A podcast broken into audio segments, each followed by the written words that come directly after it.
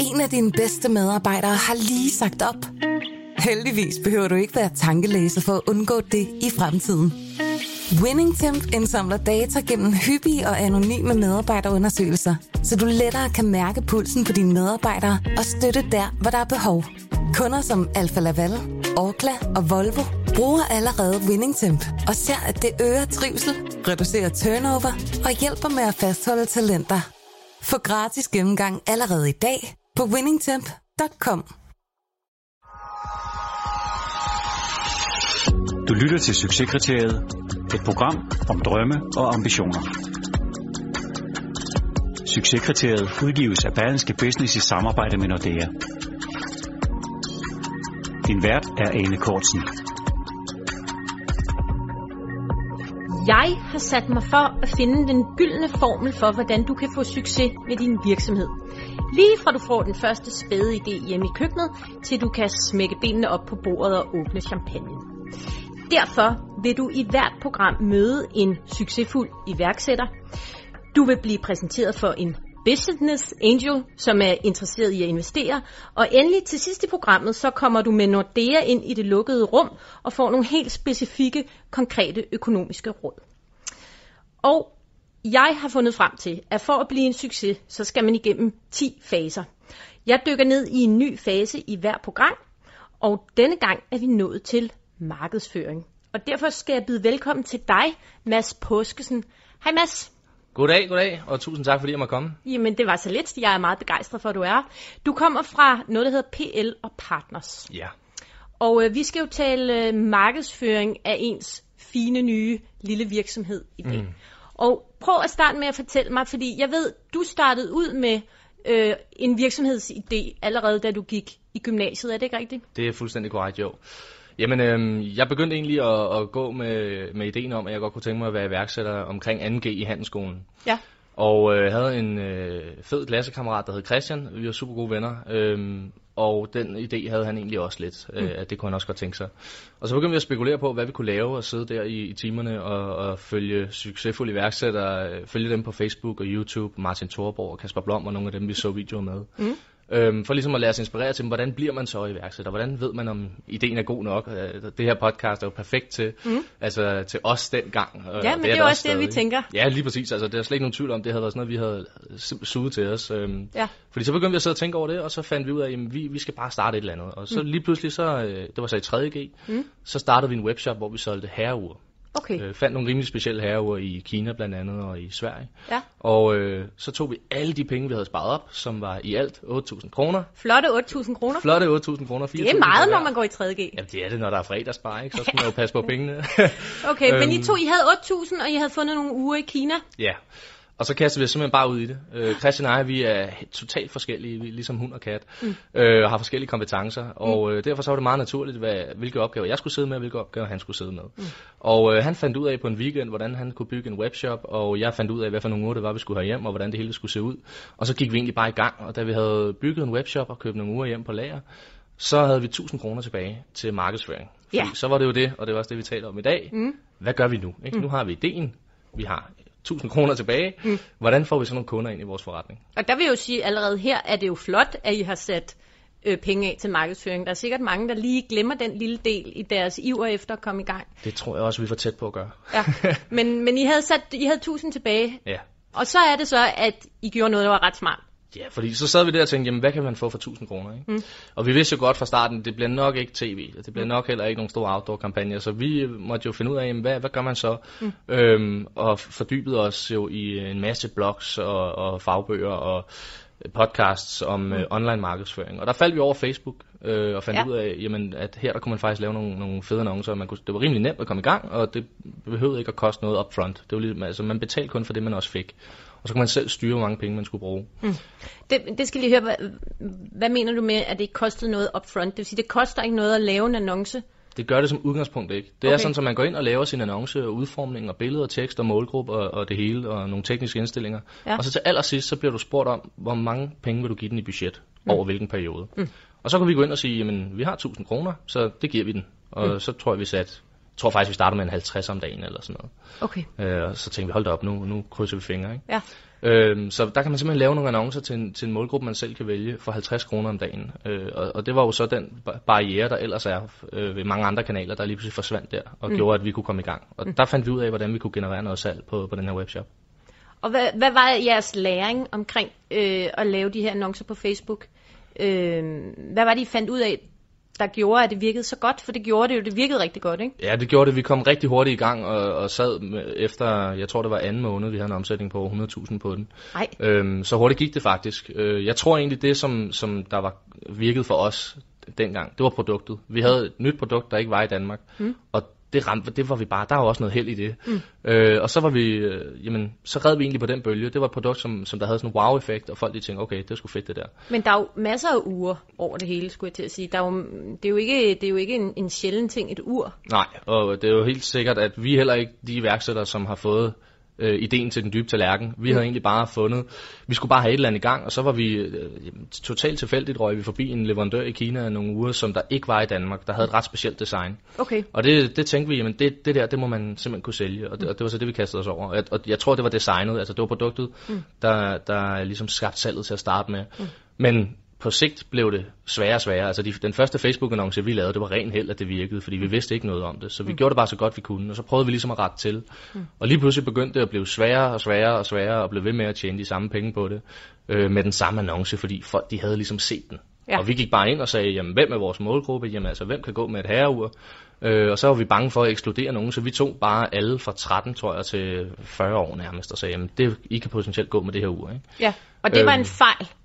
Det, det er det for mange. Altså, det, det, det er ikke den rigtige måde at gøre det på. Okay. Øh, det virkede for os, fordi vi havde et produkt, hvor de simpelthen bare sagde, wow, det der det er meget fedt. Og så, men så blev det ret hurtigt svært derefter. Okay. Så, så der kom fejlen ligesom til, til udtryk, at det er jo forkert at prøve at sælge den samme vare på den samme måde til en, en 15-årig øh, knægt og en, en øh, 35-årig mand. Ja. Øh, det, det, man, skal sælge man skal gøre det på forskellige måder. Og der fandt vi så ud af, jamen, hvordan vi kunne optimere vores annoncer, så det ikke bare var en annonce, vi havde kørende til alle, men så vi begyndte at dele vores målgruppe, overordnet målgruppe, ind i nogle undermålgruppe, som mm-hmm. vi så kunne lære at kende og, og vise dem forskellige annoncer, så vi kunne se, jamen de her mennesker, de kan godt lide det her ur, og Mm. de kan godt lide at få det solgt på den her måde. Mm. De her mennesker, de kan lide et andet ur og skal have det solgt på den her måde. Så I skræddersyede annoncer til ret smalle målgrupper. Ja, Hvor smal kunne en målgruppe være? det kunne for eksempel være 18-årige øh, handelsskoleelever, som synes godt om Kanye West. Lad os bare sige Okay, det. altså så smalt. Ja, så smalt. Og er, er der ikke en fare for, når man laver målgrupperne så smalle, at så rammer man for få mennesker? Øhm, nej, men det er der ikke, fordi de her mennesker, de er på Facebook. Så, så de mennesker, som øh, er i den her målgruppe og er på Facebook, de bliver præsenteret for annoncen. Mm. Og de får den set. Og der er det, det er der det fede ved Facebook er, fordi det er ikke sådan, som vi skal betale en masse penge for, at annoncen bliver hængt op på en bus eller en væg eller et eller andet sted. Vi betaler kun, når der er nogen, der ser den eller klikker på annoncen. Ah. Så, så vi, det, der var ikke nogen fare. Altså, du rammer præcist i det, som du har, den målgruppe, som du har sat. Og så er spørgsmålet bare, om de køber i høj grad nok til den gode forretning. Så i virkeligheden så testede I jer frem. Altså I startede med at sådan lidt skyde i blinde, Ja. og så blev I mere og mere præcise i forhold til, øh, til hvem I ville ramme. Simpelthen. Og nu er det jo sådan, at i dag, der, øh, der sælger I ikke uger. Nej. Hvad er det, I laver i dag? Jamen, øhm, historien er sådan, så vi startede den her webshop lige inden vi gik ud af 3.G. Og så tog vi et sabbatår, øh, sagde vi til os selv, hvor vi skulle arbejde fuld tid på at bygge den op i min mors og fars garage. Og så sad vi der og brugte al vores tid på at, at effektivisere de her annoncer på Facebook, så vi kunne tjene flere penge. Og lige pludselig så ringede Facebook til os fra Dublin, deres europæiske hovedkontor, og så sagde de, hey, det I laver, det ser altså fedt ud. Det I rimelig gang i noget. avanceret." Ja, og, øh, og det var sindssygt fedt. Altså, vi, Ja. de tilbød at, at, begy- at lave et samarbejde med os, hvor vi kunne få indblik i noget mere data, og vi kunne lære at bruge værktøjerne, øh, som de havde tiltænkt dem. Men hvordan havde de fået øje på jer? Jamen det havde de, fordi de har øh, internt nogle systemer, som der monitorerer de annoncekonti, som der kører. Så de har simpelthen øh, kommet frem. Jeg ved jeg helt præcist ved jeg det ikke, men Men de har simpelthen spottet to unge danske drenge, der på en eller anden måde havde fundet en god måde at bruge deres annoncesystem på. ja, lige præcis. Og nu så vil de gerne vide, hvordan I gjorde det. Det vil de nemlig, og så vil de hjælpe os med at blive endnu bedre, og det er jo selvfølgelig, fordi der er noget forretning i, i, i det for dem. Mm. Men øh, så arbejdede vi sammen med dem i et par måneder, og så sagde de til os, prøv at høre, I skal sælge den der webshop, og så skal I lave et bureau, øh, fordi vi sidder også og hjælper øh, en masse bureauer med at hjælpe deres kunder herunder mange webshops med Facebook, men der er altså ikke nogen af dem, der er så specialiseret som I er, og, og bruger platformen på den måde. Så kan I ikke nok gøre det. Og så kiggede vi på hinanden i 10 minutter, og så sagde vi, det er sgu det, vi synes, der er sjovt. Og så solgte vi webshoppen så hurtigt vi kunne, og startede øh, vores øh, nuværende bureau, PL og Partners, hvor vi så sagde, at vi skal hjælpe virksomheder med at lave Facebook-markedsføring. Og det er i sig selv jo en meget øh, sådan målrettet strategi øh, at, at lave et bureau, der udelukkende er baseret på Facebook-markedsføring. Ja. Og det har I haft relativt stor succes med, kan jeg forstå. Ja, det har vi. Øhm, det var i januar 15, at vi stiftede bureauet. Mm. Og øh, vi var, vi var øh, rimelig heldige at blive inviteret over til Facebooks hovedkontor i Dublin øh, allerede i marts, to måneder efter, som en ud af fire danske virksomheder, til simpelthen at komme over og besøge dem og være med på en hel dag, hvor vi også skulle have uddybet, jamen, hvad er det for nogle trends, de ser, og hvad ser de for nogle udviklinger, og hvad for nogle værktøjer øh, er in the making, og skal vi lære at bruge i fremtiden. Mm. Øhm, så det ville gøre os endnu bedre, og, og der fik vi... Øh, da vi, da vi kom hjem derfra, og ligesom kunne skilte med, at nu havde Facebook altså inviteret os derover, og vi har kontakt til Facebook, Ja. så fik den forretning et boom, fordi i januar 15, da vi startede øh, vores bureau, der var der ikke nogen, der slog sig op på at være et Facebook-bureau. Mm. Og det var også en af grundene til, at vi var så hurtige til at gøre det. Det var fordi, vi kunne se, hvad det havde gjort for vores egen forretning. Og så når vi lavede en, en Google-søgning på Facebook-bureau, jamen så var det alle mulige andre bureauer, der lavede noget andet, som der også lige havde en underside, hvor der stod øh, sociale medier eller mm. Facebook på, øhm, som ikke var specialiseret i det. Så tænkte vi, okay, jamen der må være noget af det her. Altså hvis, hvis øh, bureauerne kan tjene penge på, at det er øh, en anden praktikant eller en anden, der lige har plads, der, der sidder og laver det efter bedste evne, men det ikke er noget, de satser på, så må vi kunne gå ind og, og specialisere os og så gøre det bedre. Ja, Øh, der så et hul i, i markedet. ja.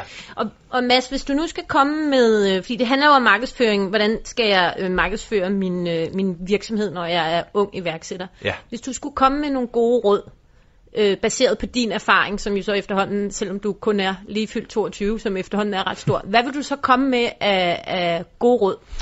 Jamen altså, det afhænger selvfølgelig af, hvad for en virksomhed det er, man, man stifter, men, øh, men jeg vil altid starte med at, at sige, jamen, er det et problem, jeg løser? Øh, og så vil jeg kigge på, er der behov i dag, og ved mine fremtidige kunder godt, at, at de har det her behov, at de har den her smerte, som jeg vil løse. Og det vil jeg gøre ved simpelthen at gå ind på Google, og så øh, kigge i Googles værktøjer på, hvor mange søgninger der kommer mm. på de ting, jeg kunne forestille mig, mine kunder de søgte efter for at finde det her. Og så vil jeg se på konkurrencen. Altså, er der en efterspørgsel til det, jeg er ved at lave, som jeg kan starte med at, at ligesom tage? Mm. Fordi hvis der er en efterspørgsel, øh, som, man, som man kan lægge sig ind og få del af øh, på Google, øh, jamen så skal man starte med det.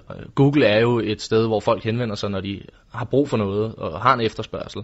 Så derfor er det jo, hvis man nu man øh, sætter en salgstrakt op, jamen så Google det sådan den nederste del af salgstrakten, hvor folk de er godt klar over, at de skal ud og gøre et køb her. Mm. De søger en løsning. Så kan man ligge der, jamen så er det relevante mennesker, mm. som der specifikt søger ja, på et eller andet, på det du eventuelt kan hjælpe dem med. Så start med at kigge der og se, om det er muligt at konkurrere.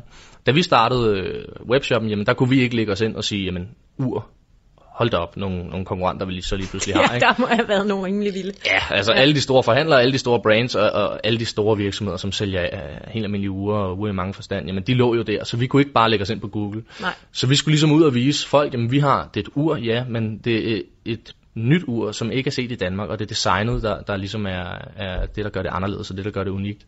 Så derfor pushede vi det ud. Så går vi, gik vi altså op i toppen af den der salgstrakt og sagde, jamen alle dem, der skal købe vores produkt, de ved ikke, at det eksisterer, så vi kan jo ikke bare forvente, at de kommer til os mm. på Google. Vi er så nødt til at gå ud på Facebook, og så pushe det ud til dem, og fortælle dem, hey, nu er der det her fede ur, prøv lige at klikke ind og se nærmere, eller det koster kun, eller køb nu, eller hvad det nu end måtte være. Ikke? Øh, og så hældte vi jo lige pludselig nogle øh, emner, potentielle kunder op i toppen af trakten, som vi så kunne, kunne arbejde med ned igennem trakten, indtil de købte. Mm. Øh, og så på sigt, jamen, så havde vi jo så med vores egne annoncekroner, egne annoncer, skabt en efterspørgsel efter vores brand, Wristbody. Øh, på Og så Google. kom I op på Google. og så begyndte vi at arbejde med Google, ja. Mm. Så vi skulle ud og starte efterspørgselen, og der er Facebook altså bare helt genialt. Og, og, og hvis jeg så går ind på Facebook, og jeg skal oprette sådan en annonce for mit produkt, eller øh, det jeg nu øh, er i gang med at lave en virksomhed omkring, øh, hvad er så dit råd til, øh, skal jeg så starte ud med, som I gjorde med en ret bred målgruppe, eller skal jeg prøve at være meget specifik, eller hvordan kan jeg vide, hvem det er, der vil interessere sig for mit produkt? Den eneste måde, du kan finde ud af det på, det er ved at teste. Fordi det kan man ikke vide på forhånd. Øh, Okay. Man kan sagtens have nogle antagelser, alle de virksomheder, vi hjælper i dag, jamen de kommer jo også med analyser for dem af dem, der har været i gang i, i lang tid, og dem, der er sådan forholdsvis nye, de kommer med en god idé om, hvem deres målgruppe er, og hvem de har designet produktet til, eller ydelsen til. Mm. Faktum er bare, at man ved det bare ikke. Altså man er nødt til at se noget data på, hvem er det, der reagerer. Mm. Så helt lavpraktisk, jamen så er det en god idé, i stedet for at sige, ligesom vi gjorde i starten, vi, be, vi begik en begynderfejl, med at bare sige, jamen alle, der kan gå med det her ur, øh, 13-årige drenge til, til 40-årige mænd, Ja, de skal de- se den her annonce. Ja, de Jamen, potentielle kunder. Ja, og så lavede vi den samme annonce til dem, og når man gør det, så er det binært, fordi mm. så er der to udfald. Det er en succes eller det er en fiasko. Mm. Og lige meget hvilken, om det er en succes eller en fiasko, så ved du ikke, hvad der er godt og hvad der er skidt, og du ved ikke, om det kan forbedres, eller, eller hvad der egentlig sker. Mm. Så derfor så er mit råd, at man skal teste, simpelthen A-B-teste. Hvis nu man har et stort segment, ligesom os der, der sagde 13-40-årige mænd, jamen så i stedet for at lave en annonce til alle sammen, så lav den samme annonce, men del målgruppen op, så du måske har de 13-25-årige på den, på den ene annonce, mm. og så fra 25 til 40 på den anden. Fordi allerede der, så får du nogle forskellige resultater og noget data, som der siger, jamen de unge, de klikker måske i højere grad end, end de ældre, men de ældre køber måske i højere grad end de unge, eller mm. et eller andet. Altså, så har Så du, du, noget du bliver klogere, altså så du bruger faktisk annoncerne til en form for markedsundersøgelse. Ja, det er lige præcis sige. det, man gør. Og det foregår hele tiden, det her. Mm. Når man så kan se, jamen, okay, jamen, det, den første målgruppe, 13-25, den performede altså dobbelt så godt som den anden. Jamen, så giver det god mening at slukke for den anden, mm. og så lægge budgettet bag den første. Fordi allerede der får du en højere return på din investering. Mm. Og så kan du dele den yderligere op og sige, jamen, hvad så med de 13-18-årige og de 18-25? Hvad så der? Kan, vi, kan vi gøre det samme der? Og så kan du blive ved til sidst. Og så kan du også teste på billedet, jamen altså, hvad er det for et billede, der trigger en handling, eller, eller på teksten? Mm-hmm. Skal vi skrive det det billigste ur, eller det bedste ur? Øh, Hvad er det, der trigger de forskellige mennesker? Ikke? Så, så det er simpelthen at gå fuldstændig systematisk til værks. Ja.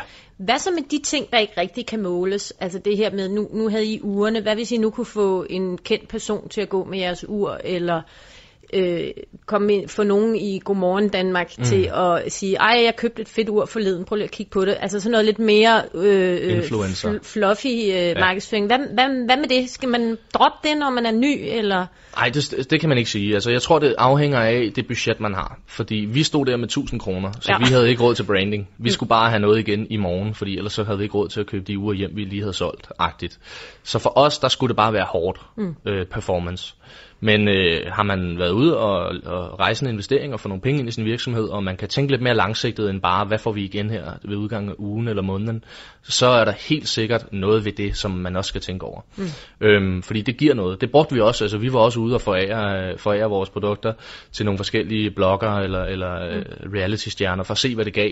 Og det kan ikke måles på samme måde som en Facebook-annonce, men alligevel kan man godt se sådan når man kigger på det store billede, at der har været et eller andet der. Mm. Øhm, men, det er ikke målbart udfordring. på samme Nej, og det er en stor udfordring ved det. Altså, mm. Det fraholder mange for at gøre det, det er, at man kan ikke måle det. Mm. Øhm, og der er også rigtig mange, der gør det, fordi de har store budgetter, som spilder deres penge på det, fordi mm. de ikke kan måle det. Mm. Som egentlig godt kunne bruge dem klogere på en anden måde. Okay. Øhm, Så hvis jeg skal opsummere dit råd, så, øh, hvis man står med et relativt lille budget, når man lige har startet ud, 1000 kroner i jeres tilfælde, så er det øh, en god idé at gå fuldstændig systematisk til værks med mm. Facebook-annoncerne og prøve af i forskellige målgrupper, forskellige interesser, og se hvor, og så bagefter få data ind, og så se, jamen her rammer jeg faktisk øh, bedre end i den anden målgruppe, og så hele tiden snæver ind, indtil. Ja. man har fundet præcis dem, man gerne vil ramme. fuldstændig, ja. Okay. Ja, og så er det så så forfærdeligt indrettet, at når du så er dertil, hvor du har testet i rigtig lang tid og fundet præcis de rigtige mennesker, så går din annonce af mode. Fordi så har de set den, så skal du faktisk starte forfra. Så det er faktisk noget, der kører løbende hele tiden. Ja, du kan ikke hvile på lavbærne. Nej, det kan man ikke. Så det er noget med at, at hele tiden have de her test kørende, og hele tiden kigge på den her data og sige, hvordan agerer de her mennesker, hvordan agerer de her mennesker, hvad er det for nogle produkter, mm-hmm. hvad er det for nogle tekster, hvad er det for nogle billeder. Jamen, øh, fantastisk. Der blev jeg i hvert fald meget klogere. Øh, tusind tak, fordi du kom, Mads, og held og lykke med, øh, med den fremtidige øh, Facebook-bureau. Tusind tak. Tusind tak for det. Du lytter til Succeskriteriet. Programmet er tilrettelagt af Ane Kortsen og Fanny Pramming for Berlingske Business. Så er vi nået til den her uges Business Angel. Og i dag har jeg fået besøg af dig, Jesper Jarlbæk. Ja, Hej Jesper. hej. Øh, hvad er det, der gør dig til en Business Angel? Hvad er det, der gør mig til en business angel? Det er, at jeg investerer i forskellige vækstvirksomheder øh, og sidder i deres bestyrelse mm. øh, og, og hjælper dem på vej. Ikke? Så jeg har en portefølje af investeringer, som jeg har beskæftiget mig med de sidste 10 år. Ja. Ja. Og udover det, jeg har lige kaldt dig for ærkeenglen eller overenglen, så er Ja. du faktisk også formand for et helt netværk af engle. Ja, Uh, der er 100 medlemmer i af det netværk, som jeg er formand for, som er centreret i København, men som har engle spredt ud over det ganske land. Ja. ja. Og hvad hedder og, det og, netværk? Um, uh, er det Danish Business Angels. Ja. ja. Så hvis man hen, øh, henvender sig til dig, så henvender man sig faktisk til rigtig mange på én gang? Så anbefaler jeg folk at uh, sende deres case ind til mit netværk, for det, på den måde kan man blive synliggjort over for 100 engle, ja. og man skal måske kun have succes med at få kontakt med en eller to af dem, eller tre. Mm. Uh, det er der jo bedre chancer for, når man kan tale uh, med 100 på en gang. Mm-hmm. Ja, det må man sige. Ja. Og øh, når du øh, investerer i, en, i noget, Jesper, ja. hvad, hvad kigger du typisk efter? Hvad kan få dig til at sige, det her, det vil jeg gerne gå ind i? Ja, altså det klassiske er jo, at øh, man siger, at der er rigtig mange gode idéer. Mm. Så det vil sige, at øh, det er ikke det, der skorter på. Øh, det man prøver på at kigge på, det er, øh, om det hold, der står bag, om, om det virker som om, at de har tjek på det hele, kan man sige. Og det er jo en meget enkel ting at sige, mm. men hvis man ser 360 grader rundt og ser alle aspekter i at drive en virksomhed fra 0 til et eller andet stort, så er det faktisk rigtig, rigtig svært at have tjek på alle 360 grader, og det er især svært at få konsistens i de enkelte øh, aspekter af forretningen. Og der er nogen, når de står og pitcher, hvor man kan høre, at det har de virkelig styr på. Og der er andre, som er grebet af passionen, mm. og som så har styr på nogle ting, men hvor det er lige så klart, at der er andet, de ikke har styr på. Og, og i det tilfælde øh, trækker du så der så øh, tilbage, øh, eller tænker du, det kan komme, eller de kan, det kan de lære undervejs, men ideen er god, og engagementet er der, så det vil jeg gerne øh, investere i. Uh, man trækker sig ikke bare tilbage, man forsøger måske at give nogle råd, mm-hmm. og så lytter man til, om der bliver lyttet. Mm. Og hvis man har fornemmelsen af, at er flink og venlig, men det går ind det ene øre ud det andet øre, fordi man er så passioneret omkring den gode idé, man har, så trækker man sig nok tilbage. Okay. Altså, så det er ikke et krav, at alle skal kunne alting fra starten. Nej. Men man skal ligesom have en selverkendelse omkring, og især det der med at sige måske, at øh, der, der er jo meget få, kan man sige, one-man-shows. Så det handler jo også om, at denne her person er i stand til at tiltrække og motivere andre, mm-hmm. og at de andre mennesker, at det er nogen, som komplementerer de øh, svagheder, han har sagt, jeg selv har, sådan som man bygger et hold op, som netop til sammen kan de her 360 grader. Det, det vil man gerne have en fornemmelse af, at vedkommende har en, en klar forståelse for det. Hvad skal der til, for at jeg kommer videre? Og hvis der er nogle ting, man ikke helt har forstået, at man så lytter og siger ja, og det lyder troværdigt, og ja, det vil man arbejde med. Mm-hmm. Den anden ting er jo så, at engle investerer udelukkende med deres egne penge, og det vil sige, altså, øh, at det skal være sjovt. Så man skal også have en personlig øh, sympati parterne imellem, for der er jo ingen grund til at gå ind i noget, der bliver et mangeårigt samarbejde med nogen, som man dybest set ikke synes om. Mm. Altså, så, så det gør man ikke. Altså, og, og hvem kan lide hvem, det er jo altid forskelligt, ikke? Men man, man leder efter noget gensidig kemi og gensidig respekt og sådan, ikke? Mm-hmm. Ja. Og, og i virkeligheden hører jeg dig sige, så efterlyser du også måske en lille smule ydmyghed i starten. Ja, ja.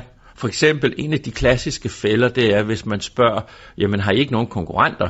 Hmm. Og så svarer vedkommende, altså ikke sådan, men omtrent, jamen denne her idé er så genial, så jeg har ikke nogen konkurrenter. Ikke? Så er du dumpet. Så er du fordi, dumpet. Så, så er du dumpet, mm. fordi der er stort set ikke nogen tanker, der ikke er blevet tænkt som Beatles sang, ikke? så det er måske mere omkring, hvordan du vil eksekvere den. Mm-hmm. Og det, der mange gange sker, er, at du har en rigtig god idé, øh, men det handler om, kan du lave en forretningsmodel, som er bæredygtig rundt om denne her idé. Mm-hmm. Og det starter jo med, er der nogle kunder til ideen? Mm-hmm. Og det næste er, hvad koster det at få fat i kunden? Mm. Og koster det mere at få fat i kunden, end det vi kan tjene på kunden, så er den jo ikke bæredygtig. Det kan mm. godt være, at det er en god idé. Der var også nogle kunder, men de var alt for svære at få fat i.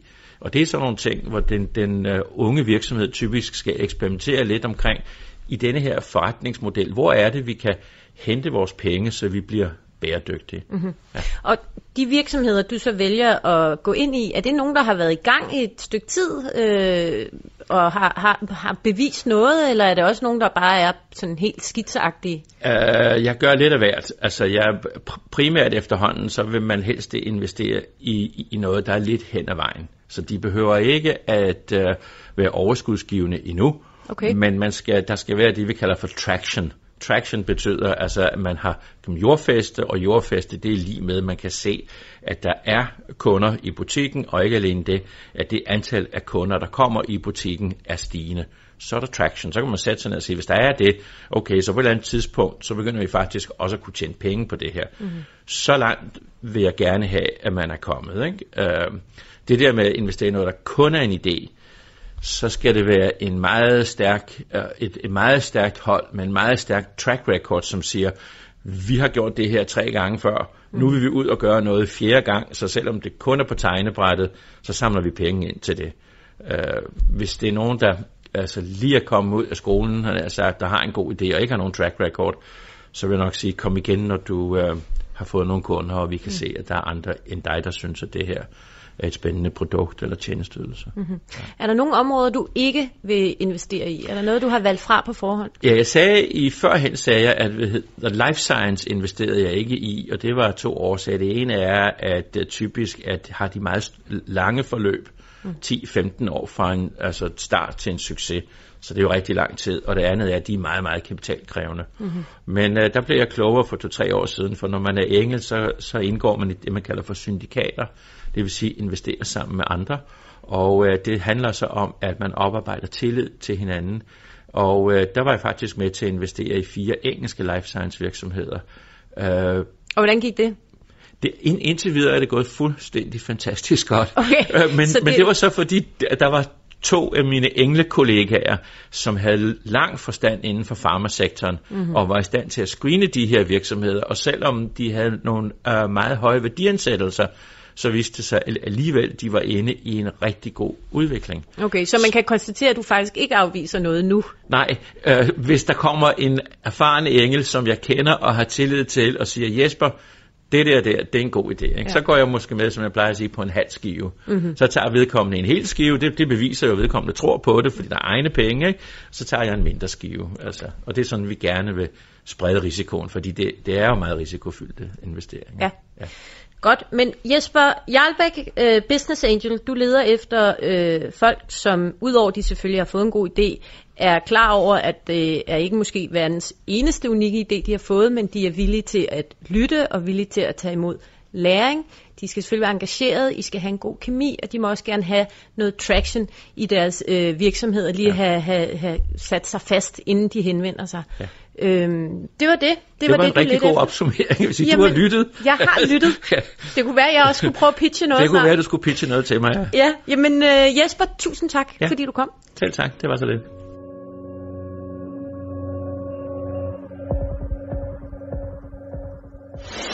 Nu kommer det lukkede rum.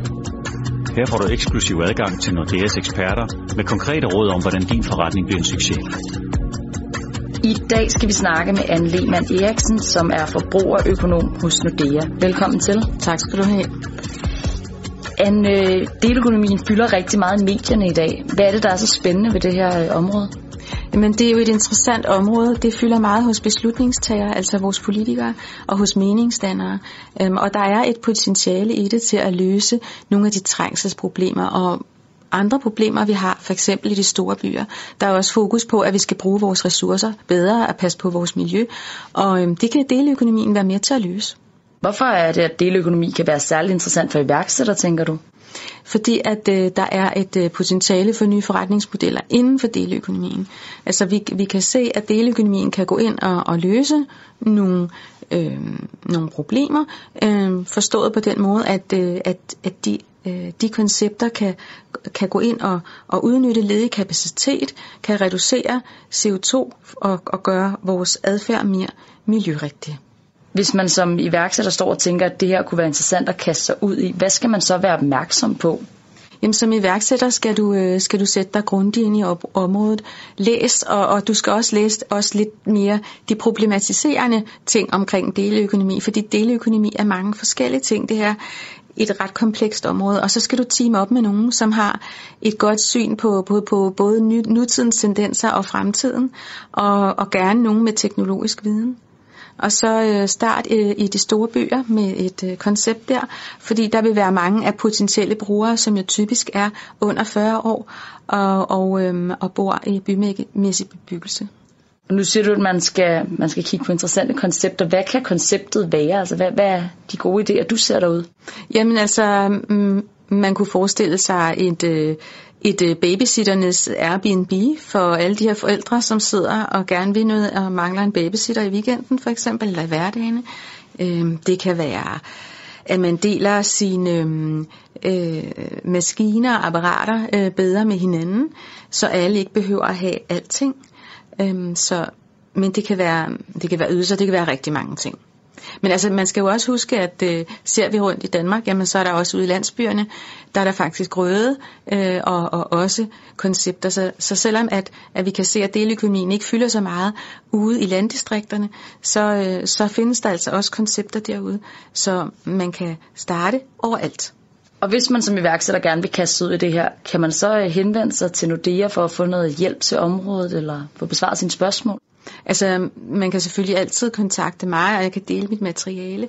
Men der findes faktisk også øh, en, et øh, dansk arkitekturcenter. De kører sådan et erfaringsopsamlingsprojekt, der hedder Deleby. Og der er udgivet en rapport, man kan downloade på, på DAX øh, hjemmeside. Og der kommer endnu en ny rapport. Så der er mange aktører bagved, som er i gang med i øjeblikket at indsamle erfaringer, både om de gode sider, det der lykkes, og også om, hvor problemfelterne er. Og det kan man læse rigtig meget om øh, i DAX øh, halvårsrapport der. Ja, nu har du kigget meget på deleøkonomien og hvordan øh, danskerne forholder sig til det her. Hvad er udfordringerne siden, at det ikke er endnu større, end det er i dag?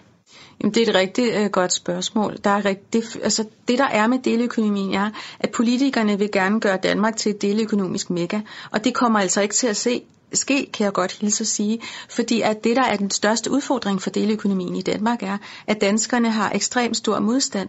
Hver fire dansker kunne aldrig drømme om at kaste sig ind i deleøkonomien. Og øhm, hvis vi ser på alle danskere, ja, så er det næsten 90 procent, som ikke har prøvet det endnu, og mange af dem siger, at det har ikke været relevant. Vi har det simpelthen for godt. I et velfærdssamfund kan det være svært at lancere en deleøkonomisk løsning, hvis det betyder, at du skal ud af din komfortzone, du skal bryde en vane, som du egentlig er meget godt tilfreds med.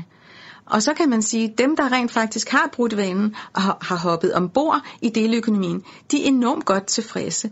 Så det handler jo om, at vi skal have folk lukket ind i deleøkonomien, men de skal altså der skal være et, et, et, en eller anden gulderod for at få dem til at gøre det. Og det kan være rigtig en stor udfordring eh, med så konservative mennesker, som danske forbrugere altså er.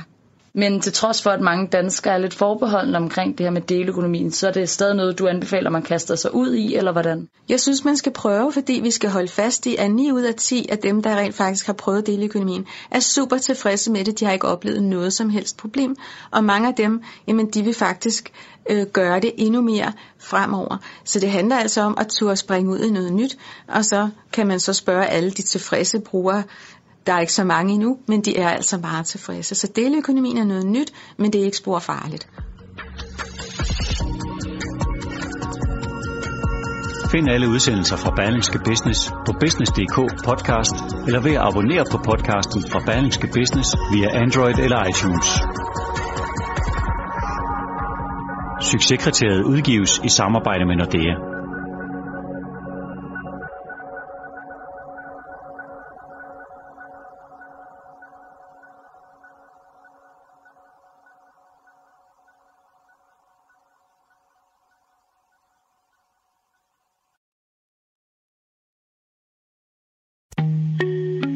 Dine bedste medarbejdere har lige sagt op. Heldigvis behøver du ikke være tankelæser for at undgå det i fremtiden. WinningTemp indsamler data gennem hyppige og anonyme medarbejderundersøgelser, så du lettere kan mærke pulsen på dine medarbejdere og støtte der, hvor der er behov. Kunder som Alfa Laval, Orkla og Volvo bruger allerede WinningTemp og ser, at det øger trivsel, reducerer turnover og hjælper med at fastholde talenter. Få gratis gennemgang allerede i dag på winningtemp.com.